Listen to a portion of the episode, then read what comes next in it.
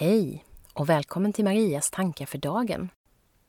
Jag heter Maria Estling Wannestål och jag driver podcasten Drömmen om målarjord som handlar om att följa sitt hjärta och sin inre kompass.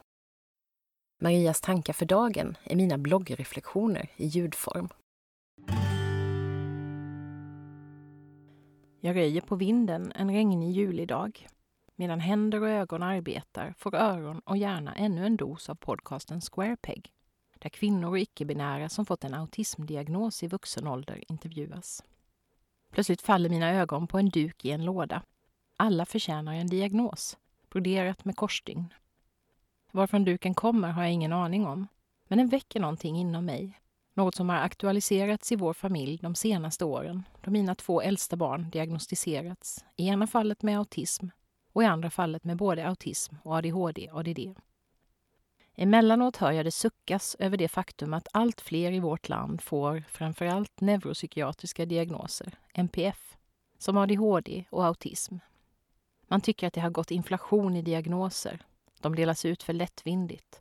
Och de flesta har väl en släng av ADHD nu för tiden. Jag är inte psykolog eller psykiater, alltså kan jag inte uttala mig utifrån något professionellt perspektiv. Jag kan däremot konstatera att de som fäller den här typen av kommentarer inte själva har en diagnos. Troligtvis inte heller någon närstående med en sådan. Men under den senaste tiden har jag kommit att se på den här frågan med nya glasögon. Jag har fått mer kunskap och förståelse. Att det ställs fler diagnoser idag än tidigare tror jag speglar två saker. Dels vet vi mycket mer idag, bland annat om könsskillnader när det gäller hur autism och ADHD kan fungera där man tidigare diagnostiserat framförallt utifrån trubbiga och mansfokuserade mätinstrument och där många med autism inte ens har blivit utredda eftersom de inte passar in på den stereotypa bilden. Tänk Rain Man. Dels har vi idag ett stressigare samhälle som ställer högre krav på sina medborgare, bland annat inom skolans värld. Och det har blivit svårare att hantera vardagens utmaningar för många med NPF. Det finns säkerligen fall där en diagnos antingen inte gör någon skillnad eller till och med kan vara av ondo. Exempelvis om man blir sin diagnos och låter den hindra en från sånt som man annars skulle vilja och kunna göra. Men i de allra flesta fall tror jag att det är som mina barn och många andra vars berättelser jag tagit del av upplevt. Att diagnosen innebär en välkommen förklaring och en lättnad. Som min son uttryckte det. Jag har alltid känt mig dålig. Men nu förstår jag varför jag inte klarar av vissa saker. Jag behöver inte skämmas längre. Båda mina barn har fått sina autismdiagnoser i vuxen ålder den här våren. Min son är 20 och min dotter 32. Men inte för att någon inom psykiatrin har uppmärksammat deras svårigheter eller annorlunda sätt att fungera.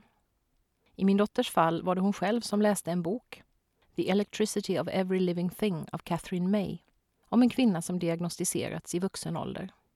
Hon kände igen väldigt mycket av det kvinnan beskrev, inte minst utmaningarna i föräldraskapet det som gjort hennes egna svårigheter mer påtagliga sedan hon själv blev mamma för drygt två år sedan. Efter att ha lyssnat på många fler intervjuer, läst böcker och gjort flera självtester på nätet kontaktade min dotter sin vårdcentral och bad om en utredning, som hon fick efter ett antal månaders väntan. Trots mycket självtvivel under väntetiden sa psykologen som gjorde utredningen att det inte fanns någon som helst tvekan om att diagnosen var korrekt.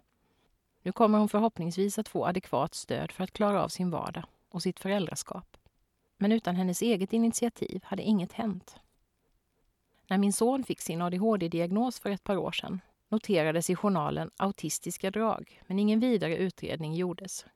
Under ett besök hos hans läkare på allmänpsykiatrin nämnde denna också att det fanns tecken som tydde på autism, men ännu en gång lämnades frågan utan åtgärd.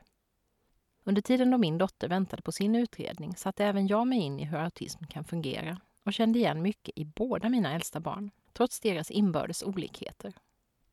Därför kontaktade jag psykiatrin och frågade om inte även sonen borde utredas, men fick då svaret att det inte fanns någon anledning till det. Det var först när jag följde med min son till hans första besök på vuxenhabiliteringen som jag mötte någon som tog mina funderingar på allvar. Strax därefter fick han en utredning som resulterade i en autismdiagnos, precis som jag misstänkt, men ingen velat utreda. Det som ställer till det med den typ av autism som mina båda barn har Nivå 1, eller det som lite missvisande ibland kallats högfungerande autism, är dels att det finns så stor variation inom autismspektret. Lika mycket som mellan autister och neurotypiker, som jag förstår det. Dels att autismen många gånger inte är så uppenbar, vilket i många fall innebär att varken personen i fråga själv eller hens omgivning, till exempel föräldrar och skola, inte ens vården, uppmärksammar problemen. Det handlar ofta om högbegåvade personer som klarar sig bra i många sammanhang. Om autism överhuvudtaget kommer på tal kan man få höra att man inte kan vara autistisk eftersom man har kompisar. Men kanske inte de personer man helst skulle umgås med. Och ibland kanske det går långa perioder då man inte orkar umgås eller höra av sig eftersom sociala sammanhang ofta är utmattande. Inte kan vara autistisk eftersom man kan se folk i ögonen och föra sig i sociala sammanhang. Men det kan vara något man har lärt sig att man måste göra, trots att det känns jättejobbigt. Inte kan vara autistisk för att man kan jobba med oförutsägbarheten som lärarvikarie eller stå på en scen och sjunga eller skådespela. Men kanske rasar man ihop av utmattning och somnar så fort man kommer hem. Inte kan vara autistisk eftersom man inte är bra på matte. Det hänger samman med gamla föreställningar om vad det innebär att vara autistisk. Inte kan vara autistisk för att man har empati. Ännu en gammal föreställning som inte stämmer. Det finns autister som snarare har problem med att de är för empatiska, känner in andras känslor och kanske anpassar sig till deras behov snarare än att ta hand om sina egna. Inte kan vara autistisk för att man är så vältalig eller har klarat av skolan med höga betyg.